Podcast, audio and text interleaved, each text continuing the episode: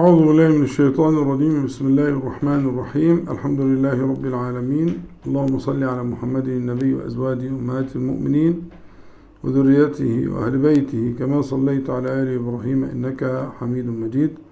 أما بعد فهذا موعدنا المبارك موعد الوصال. وكما أشرنا في المجلس السابق سنبدأ الليلة إن شاء الله تعالى في التمهيد والتقديم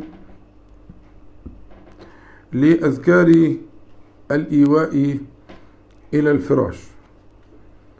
وكلمة الإيواء إلى الفراش تعني أن كثيرا وأن أغلب الأحاديث التي كانت تأتي فيها الأذكار في هذا المقام تقول كان صلى الله عليه وسلم إذا أراد أن يأوي إلى فراشه أو إذا أوى إلى فراشه فعل كذا أو قال كذا إلى آخره. فاخترت أن يكون العنوان أذكار الإيواء إلى الفراش.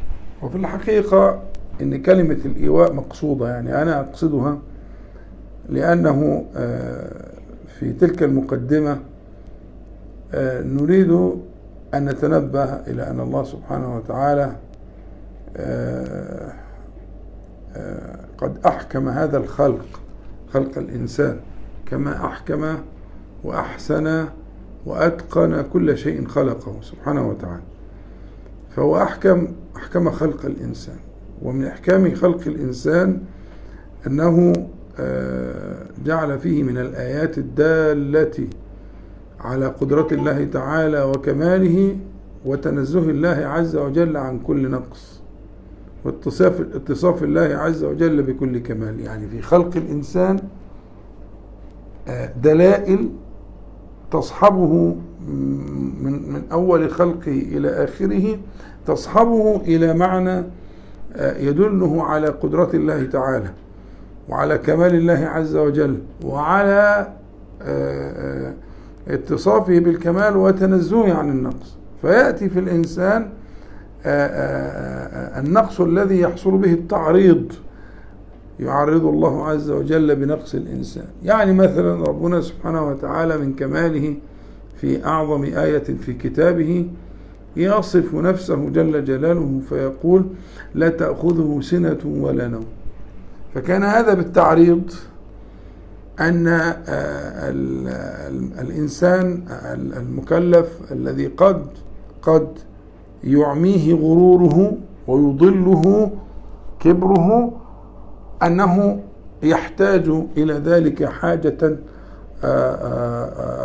وضرورة. يعني أنه مضطر إلى النوم وأنه تغلبه السنة ويغلبه النوم. فكمال الله سبحانه وتعالى أنه لا يحتاج إلى ذلك وأنه لا تأخذه لا سنة ولا نوم سبحانه وتعالى جل جلاله. فهذه ال ال ال الأحوال الموصوفة ستأتي ستجد ذلك في القرآن الكريم وفي السنة المطهرة للدلالة على كمال الله تعالى وقدرته ووحدانيته سبحانه وتعالى. يعني مثلا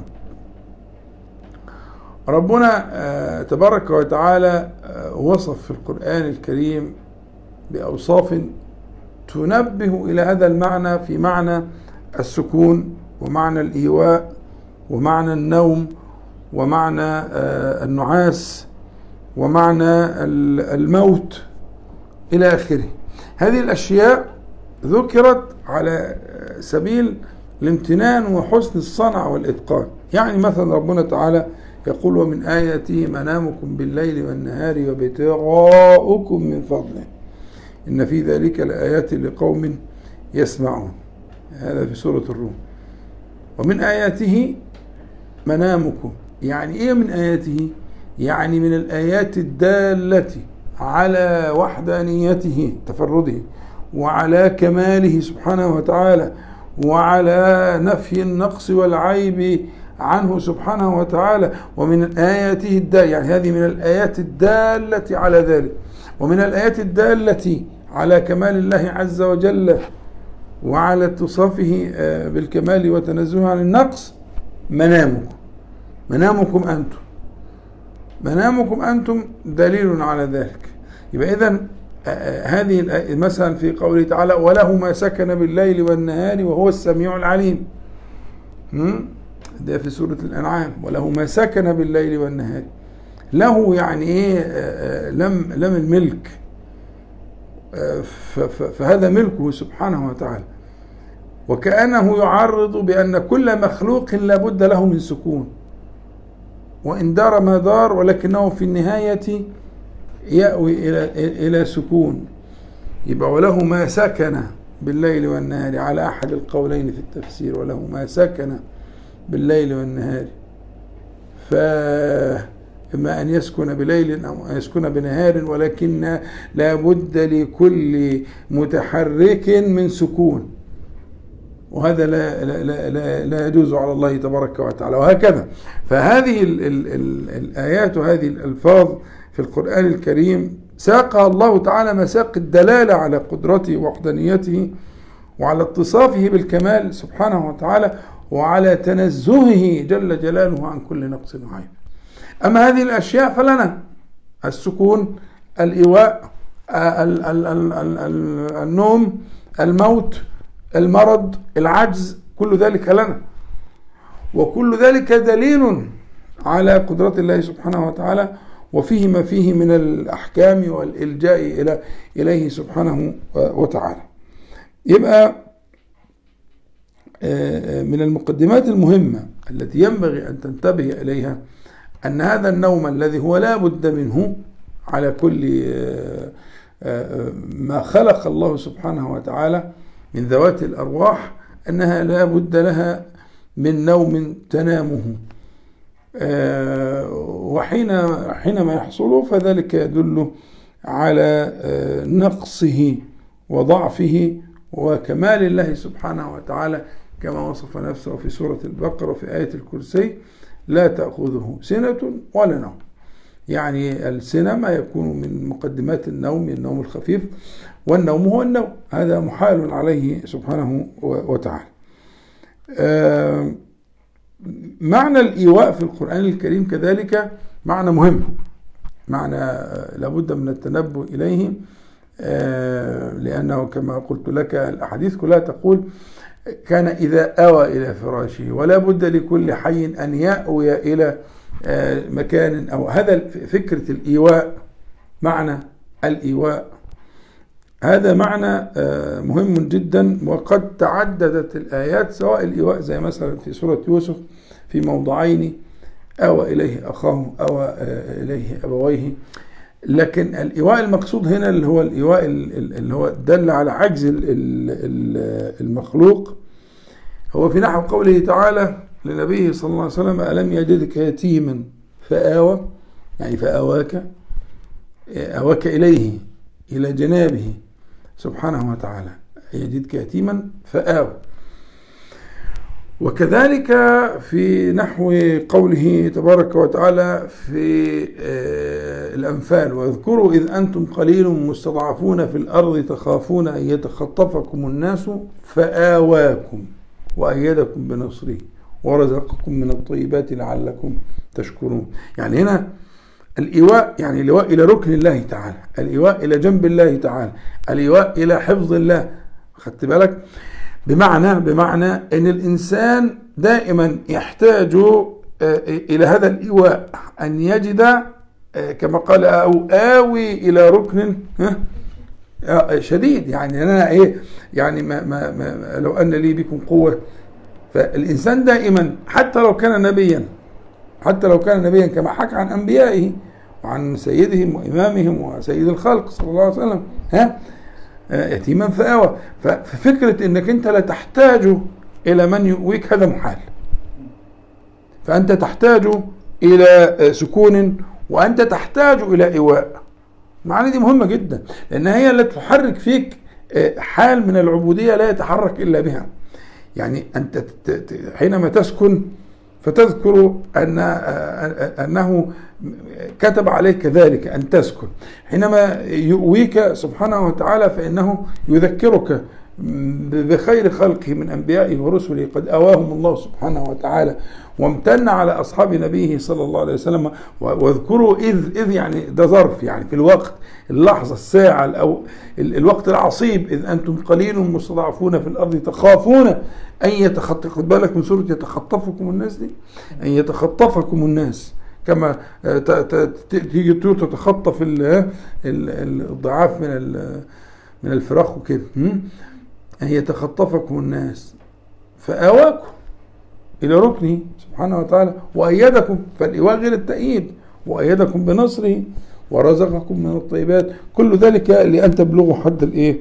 حد لعلكم إيه؟ تشكرون. ففكرة ال ال ال أن, أن, أن, أن يكرر المرء على نفسه ذلك وأن يتذكر. يعني مثلا من ضمن الأذكار في الطعام إن شاء الله ربنا يبلغنا ونصل لأذكار الطعام.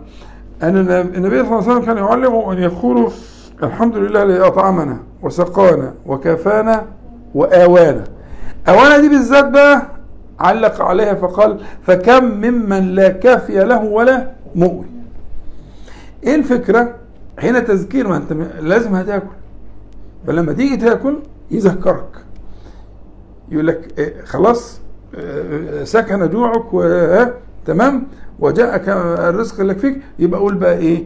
الحمد لله طعمنا وسقانا وكفانا وآوانا. خلي بالك بقى الاثنين دول فكم ممن لا كافي له ولا مؤوي. هذا الإيواء مهم وحاجتك إلى أن تجد ما تأوي إليه مهمة. حاجتك للسكون حاجتك للإيواء حاجتك للنوم. حاجتك للنوم. فربنا سبحانه وتعالى يقول ومن آياته منامكم بالليل. طب إزاي النوم آية دالة على وحدانية الله تعالى وقدرته وعلى كماله اتصافه بالكمال وعلى تنزهه عن النقص؟ هذه حالة من الحالات الايه اللي زي ما قلنا السكون والإيواء حالة من الحالات التي تدل على على على توحيد الله تبارك وتعالى وقدرته. ومن آياته منامكم بالليل وابتغاؤكم من فضله هنا في تفسير في التفسير هتلاقي مدرستين والمسألة قريبة عشان ما تشغلش بالك. بمعنى منامكم بالليل وابتغاؤكم بالنهار. بس فيها حاجة اسمها لف ونشر ما تخصكمش. أو إن إيه، إيه، إيه، من آياته منامكم بالليل ومنامكم بالنهار. ومن آياته ابتغاؤكم من فضله. والفرق يعني دقيق مش لا يناسب المقام يعني لكن في فرق. لكن المهم الشاهد ومن آياته ومن آياته عدة آيات في سورة الروم جاء وبعضها ورا بعضها ورا بعضها كلها تدل على ها وتختم ختام يناسبها. تمام؟ ومن آياته ومن آياته ومن آياته. طب هنا ومن آياته منامكم. فجعل النوم ها ها آية. إحنا قلنا الآية يعني دليل دليل قطعي. برهان. الآية معناها كده. دليل قطع على إيه؟ على أنه لا إله إلا الله. ها؟ دليل قطعي على وحدانية الله تبارك وتعالى وتفرده دليل قطعي على قدرة الله تعالى. ما لازم أست... لازم الدليل يدلني. هي قيمة الدليل إيه؟ قيمة الدليل أن يأخذ بيديك إلى المدلول. يفهمك يوصلك. وبعدين ممكن يكون الدليل بيخاطب خواص الناس أو يخاطب بعض فئات الناس أو يخاطب كل الناس فبيبان بقى. ففي أدلة لعموم الناس وفي أدلة لخواص الناس وفي أدلة لخواص خواص الناس. الآية بتبين. هنا الآية بتقول إيه؟ ومن آياته منامكم بالليل والنهار وابتغاؤكم من فضل عن نحو اللي قلت لك عليه. ماشي؟ منامكم بالليل وابتغاؤكم بالنهار أو الثانية ماشي؟ إن في ذلك لآيات ها؟ لقوم يسمعون. يعني المتقدم ده مجموعة آيات مش آية واحدة. لو فردتها هي ممكن تكون آية واحدة بالإجمال. لكن لو بحثت فيها وتفكرت فيها وتعلمت وتعلمتها ستجد فيها آيات متعددة. طيب إن في ذلك لآيات لقوم قال يسمعون. طب ليه يسمعون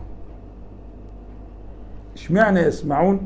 ها الآية اللي قبليها ممكن مختلفة يتفكرون إلى آخره. راجع كده سورة الروم هتلاقي كل واحدة إيه لها؟ ها؟ طيب ليه هنا؟ إن في ذلك لآيات لقوم يسمعون وهي الوحيدة اللي يسمعون في الآيات كلها. لماذا؟ ومن اياته منامكم بالليل والنهار. في توجيهات كتير للمفسرين لكن من الحاجات اللي تهمني جدا آه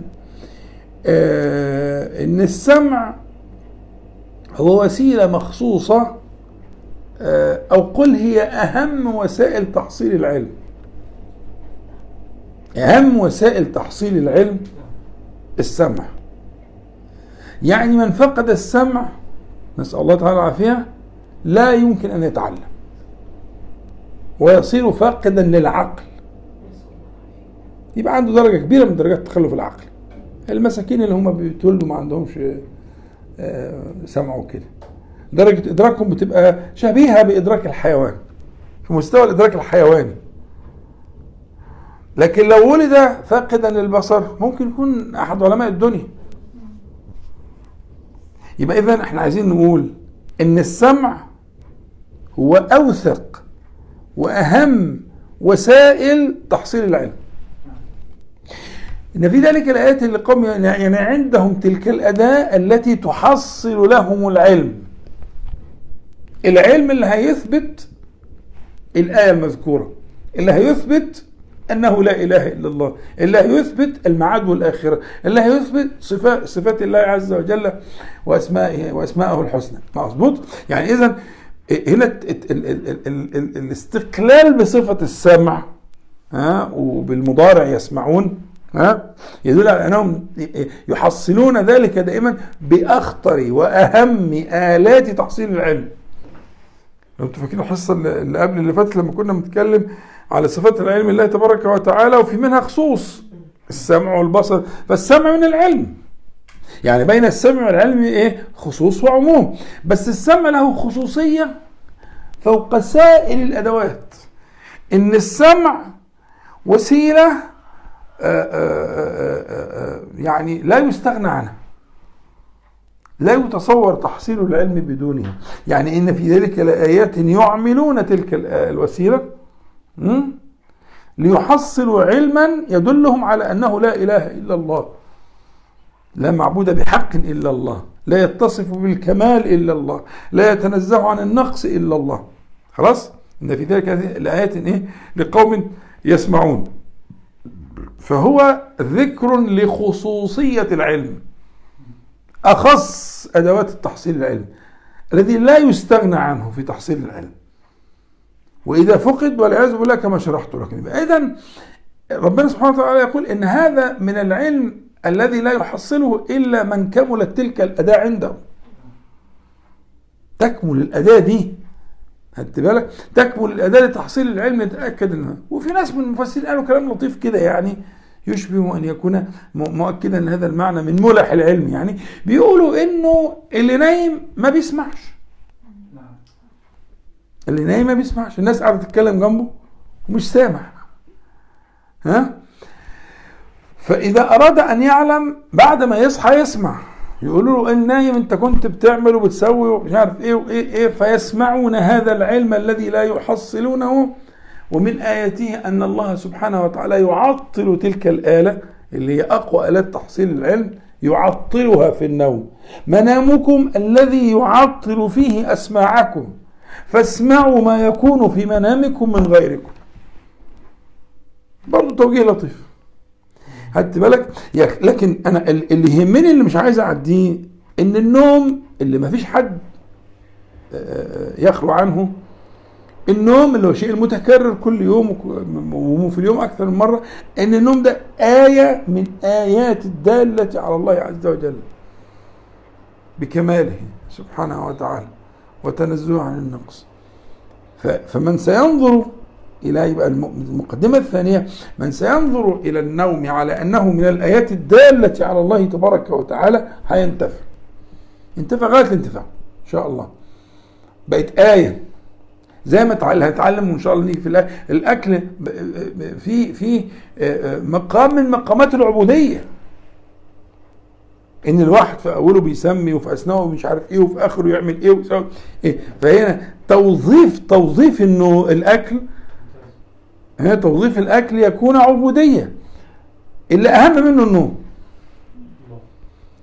وستعلم لماذا؟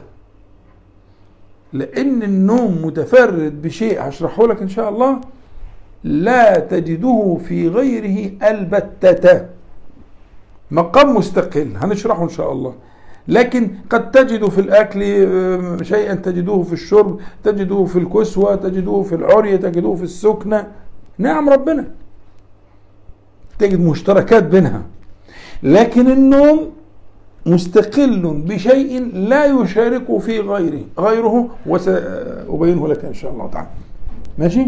لكن في النهاية دلوقتي أنا عايزك تقف معايا إلا أن هذا النوم الذي امتن الله سبحانه وتعالى بالنص ومن آياته منامكم ما عايز أكتر من كده. أوضح من كده إيه؟ ها؟ يبقى هنا آآ آآ آآ وكما سيأتي في الآيتين اللتين سندخل بهما إلى الموضوع سواء آية وهو الذي يتوفاكم بالليل ويعلم ما جرحتم بالنهار في الأنعام أو الله يتوفى الأنفس حين موتها في الزمر إن شاء الله.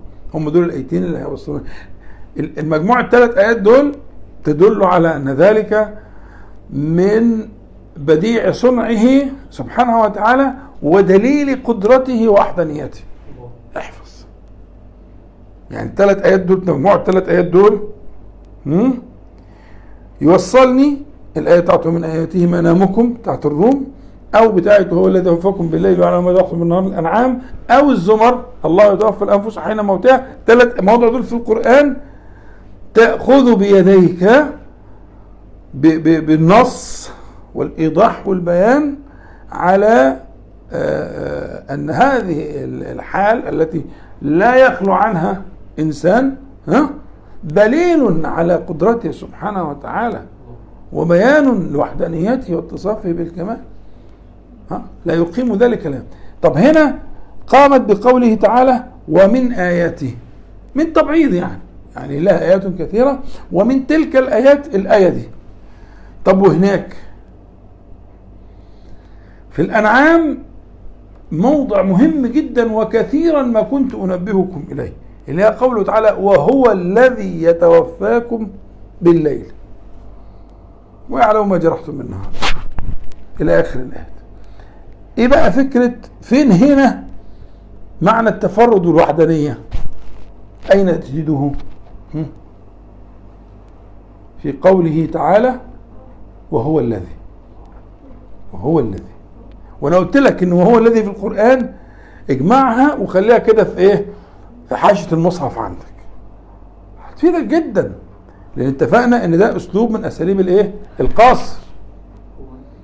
هو معرفة الذي معرفة واسم وجملة الصلة هتيجي تبين آه، المقصود إيه في الصلة. لكن مبتدأ معرفة وخبر معرفة يبقى اتفقنا إن ده بتاع تعريف الطرفين والوسائل الكثيرة جدا في القرآن الكثير كثيرة الورود يعني. جدا في القرآن الكريم الدل على إيه يا شباب؟ ها؟ على القصر. يعني نقول وليس ها؟ غيره. ولا يقدر على ذلك سواه. وهكذا يعني اكمل الجملة فلما نقول وهو الذي يتوفاكم بالليل ويعلم ما جرحتم بالنهار ثم يبعثكم فيه إلى آخر الآيات يعني معناها إيه؟ هذا من مما لا يقدر عليه غيره يبقى ده يدل عليه زي بالظبط ومن آياته منامكم بالليل بس ده من مدخل آخر من مدخل الإيه؟ ها؟ القصر من مدخل القصر وليس تلاقيها مثلا في إيه؟ آه، آه، في, في, في الحشر هو الذي أخرج الذين كفروا من أهل الكتاب من ديارهم لأول الحشر. ها؟ ما ظننتم أن يخرجوا وظنوا أنهم مانعتهم حصونهم من الله فأتاهم الله من حيث لم يحتسبوا. وقذف في قلوبهم الرعب يخربون بيوتهم بأيديهم وأيدي المؤمنين فاعتبروا يا أولي الأبصار. كلمة هو الذي أخرج الذين كفروا من أهل الكتاب من ديارهم لأول الحشر اللي مبينها بقية الآية. يعني هو وحده لا شريك له ولم يكن لأحد في هذا الشأن آه، مدخل. بدليل إن الفريقين ما كانوش متصورين ده يحصل. أنتوا ما ظننتم أن يخرجوا وهم ظنوا أنهم منعتهم حصونهم من الله. يبقى خلف ظنكم وظنهم. خلف ظنكم وظنهم. لما بتقفل قوي كده ها ما هي في أوقات المسلمين بيعيشوا في أوقات بتبقى قفلت خنقه كانت زي كده. يبقى أنتوا آه، آه، ما ظننتم. وهم ظنوا أنهم مانعتهم حصونهم من الله. هنا بقى فأتاهم الله من حيث لم يحتسبوا. بدأت إزاي؟ بدأت بإيه؟ هو الذي هو الذي أخرج الذين كفروا. هو الذي أيدك بنصره وبالمؤمنين يعني وايدك بالمؤمنين يعني وليس غيره. قلت لك جمع يعني كل ما تلاقي هو الذي يسيركم في البر والبحر حتى إذا كنتم في الفلك. يونس جميلة جدا. اوعى تفتكر إنك أنت ماشي بال بال بالبتاع وال GPS وده لا لا لا. أنت ماشي باللطف. ليه؟ دليلك إيه يا عم الشيخ؟ ما تتدروش عليا. لا أنا عندي دليل. لما أقول هو الذي يسيركم يبقى ما فيش حد غيره. يعني انت بس ساعد نفسك معايا وجمع هو الذي دي. وشوف المواطن اللي جات فيها هو الذي أنزل السكينة في قلوب المؤمنين. ما حدش يقدر يعمل كده. ولا حد قادر على على كده إلا الله. فأنا فكرة إيه هو الذي هو الذي. فأنت الآية بقى بتاعت الأنعام اللي بقول لك عليها تقول لي جبتها منين أقول لك جبتها من إيه؟ من قوله تعالى إيه؟ وهو الذي يتوفاكم بالليل ويعلم ما جرحتم بالنهار. لا حد يقدر على دي ولا على دي. ثم يبعثكم ولا حد يقدر على دي. اللي هي قصة الإيه؟ البعث من النوم اللي إحنا هنقولها تمام؟ الموضع ال ال ال الأخير في في تلك الدلائل هو قوله آه، سبحانه وتعالى الله يتوفى الأنفس حين موتها والتي لم تمت في منامها. هذه جملة موكده بيسموها توكيد توكيد باسمية الجملة. يعني لما تقدم الفاعل ويبقى مبتدأ ده في معنى التوكيد. لأنك أنت بتكرر ذكر الفاعل مرة أخرى. يعني إيه الفرق بين بساطه موضوع بسيط. إيه الفرق بين دخل محمد ومحمد دخل. بيقولوا أهل العلم بيقولوا إن محمد دخل جملة آكد أكثر توكيدا من دخل محمد من من من دخل محمد. دخل فعل ماض محمد فعل انتهت. فمحمد هنا ذكر مرة واحدة. لكن إذا قلت محمد دخل قلت محمد مبتدأ ودخل فعل ماض مبني على الفتح. وفاعله ضمير مستتر يعود على ها؟ محمد. فأنت ذكرت محمد مرتين. ذكرته كمبتدأ وذكرته كفاعل للفعل. فذكره مرتين يوكد فلما نقول الله يتوفى يعني الله مبتدأ يتوفى مضارع وفاعله الله. الله الله. أجمل حاجة. الله الله. استشعر المعنى. لما تقول الله يتوفى هي أصلها الله يتوفى الله. الأنفس حين موتها ها؟ فالجملة هنا مؤكدة. مؤكدة باسمية الجملة وتكرير لفظ الجلالة سواء بالذكر أو بالعود بالضمير المقدر كله لتوكيد هذا الفعل. الله يتوفى الأنفس حين موته. هذه الانفصال النهائي الذي لا عودة بعده آه، إلا في البعث. ينفصل مدة ال القبر مدة البرزخ. يحصل انفصال بين البدن وبين الإيه؟ الأرواح. حين موت ده معنى كده الله يتوفى ها يوفيها أجلها يعني ها؟ يوفيها أجلها حين موتها والتي لم تمت يعني لم لم يأتي أجلها يتوفاها في موته في نومه في نومه. فهذا نص في أن الحالة حالة النوم هي نوع من انفصال الروح عن البدن ولكنه انفصال مؤقت. يعود بإذن الله تعالى آه، آه، حينما آه، يأذن الله سبحانه وتعالى له ذلك. تعود الروح مرة أخرى فيبتدي بقى يمارس حياته مرة ثانية ولذلك شرع لنا إن إحنا في أذكار النوم اللي هنقولها إن شاء الله بالتفصيل نقول الحمد لله الذي أحيانا بعد ما أماتنا. الحمد لله الذي رد علي روحي. يعني هنا التذكير. وعافني في بدني وأذن لي بذكر. رد علي روحي. أهو بالنص زي الآية بالظبط. الحديث هنا بيؤكد آه، آه، إن أمسكت نفسي فاغفر لها وإن أرسلتها فاحفظها. أمسكت نفسي يعني الوفاة الموت الكبير الموت الكبرى. وإن أرسلتها يعني أعدتها يعني هي كانت كانت إيه؟ كانت منفصلة عن البدن فدي مسألة قطعية. آه، آه، بالقرآن وبالسنة. بالقرآن وبالسنة. الصحابة الكرام رضي الله عنهم آه، لهم بيان وتفسير وبرضه التابعون في معنى آية الزمر لأن آية الزمر هي في الحقيقة هي المنطلق اللي أنا قلت لك في أول الكلام. عايز أتذكر معاك في أن هذا الحال حال مخصوص لا يشبهه حال. وباب للعطاء لا يأتي من غير هذا الباب. ركز معايا عشان نوصل لحاجة. إحنا قلنا إن الحال ده لا لا يشبهه حال. حال النوم ده حال يعني متفرد. إيه التفرد اللي فيه؟ اللي إحنا بنحكيه اللي هو انفصال الروح. طيب هي الروح لما بتنفصل بتروح فين؟ انفصلت إحنا اتفقنا انفصلت. لو انفصال نهائي بيقبضها سبحانه وتعالى في الموت. طب في النوم بتروح فين؟ إذا كانت هتخرج وهترجع تاني لما يأذن آه الحمد لله الذي رد علي روحي. أهي نصه وهو أعرف الخلق صلى الله عليه وسلم بالحقيقة وبالشرع وبالحاجتين. بالحقيقة وبالشريعة.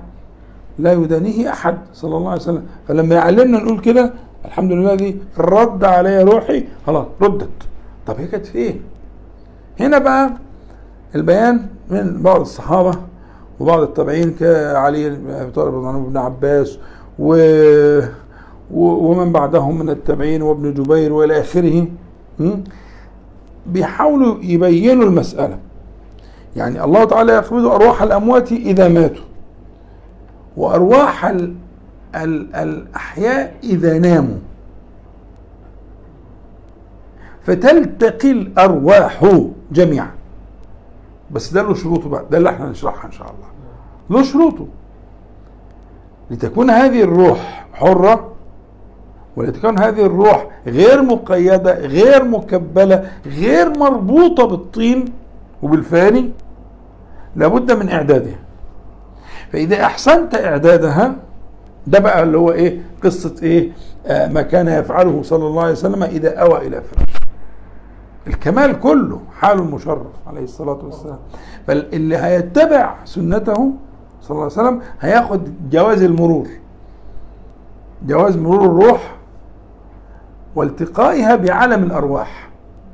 فربما ربما تلتقي بأرواح آه، آه، الصالحين وأهل العلم والفقهاء والعلماء والمجاهدين والصحابة رضي الله عنهم وربما تلتقي بروح النبي عليه الصلاة والسلام. آه فإذا هذه الأرواح إذا ناموا آه، قبضت قبضا مؤقتا ثم ترد فتتعارف الأرواح ما شاء الله لها أن تتعارف. تتعارف الأرواح. وزي ما قلت لك قبل كده لو تذكر لما قلنا حديث الأرواح جنود مجندة ما تعرف منها ائتلف وما تنكر منها اختلف. في الطباع والعادات وكده وكذلك في هذا الشأن. فتلاقي الأرواح تذهب إلى إيه، إيه، وإن كان ما يعرفوش بعض قوي أو ما يشوفوش بعض في الدنيا أو لكن أرواحهم تلتقي في أشياء يحبها الله سبحانه وتعالى ويرضاها. فيأذن يأذن لهذه الأرواح أن تلتقي. وتتبادل التهاني والبشرى واحيانا تحميل الرسائل واحيانا تأتي يأتي الملك بصريح الحال.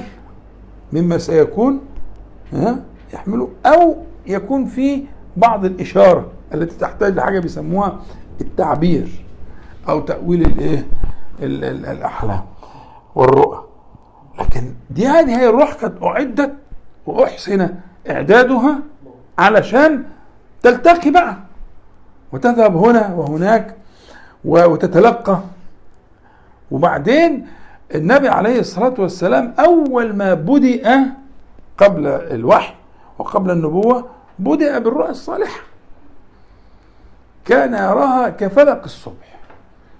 فهذا يدل وهو الذي قال إن هذا جزء من أربعين جزءا أو كما قال عليه الصلاة والسلام من النبوة لم يبقى للمؤمن من ذلك إلا الرؤيا الصالحة. يراها أو ترى له.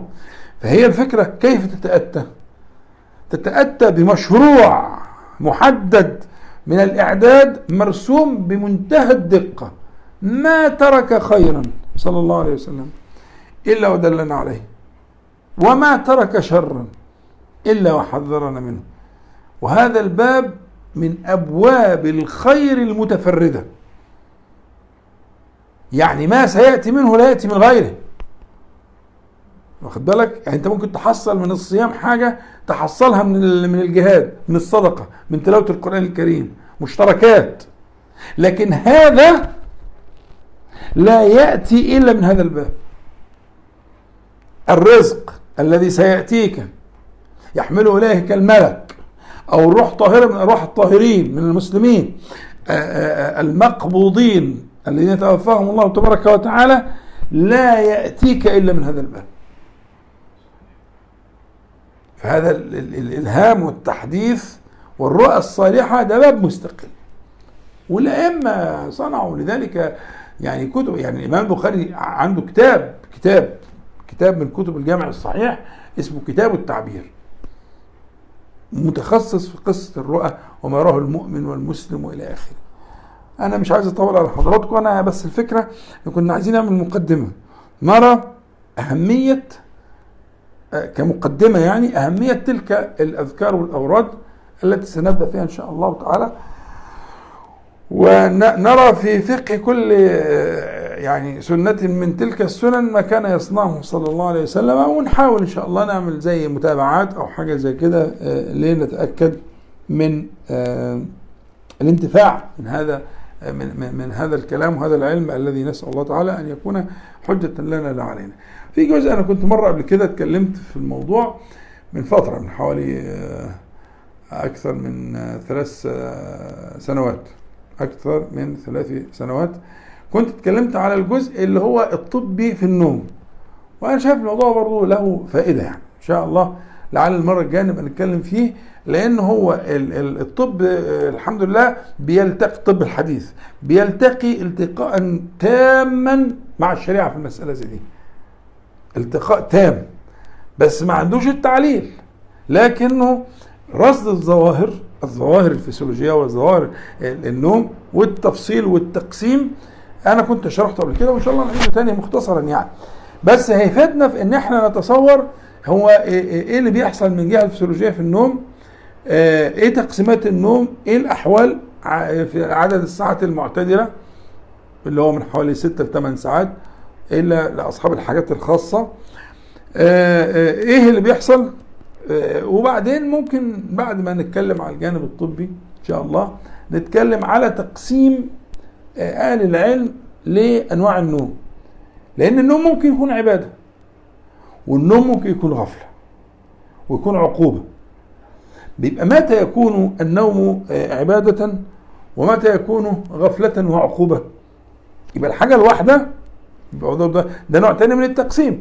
يبقى التقسيم الطبي و و و وال وأنواعه ودرجاته والفحوصات وأحدث الدراسات اللي في الموضوع. مسألة تانية التقسيم الشرعي إن النوم ده نفسه ممكن يصير آه، صورة من صور ال- ال- العبادة ويؤجر المرء عليه. ويبقى نسمع واحد يقول لك وإني أحتسب نومتي كما أحتسب قومتي. يعني قيامه بالليل. يعني بيحتسب الأجر في النوم زي ما يحتسب الأجر في الإيه؟ ها؟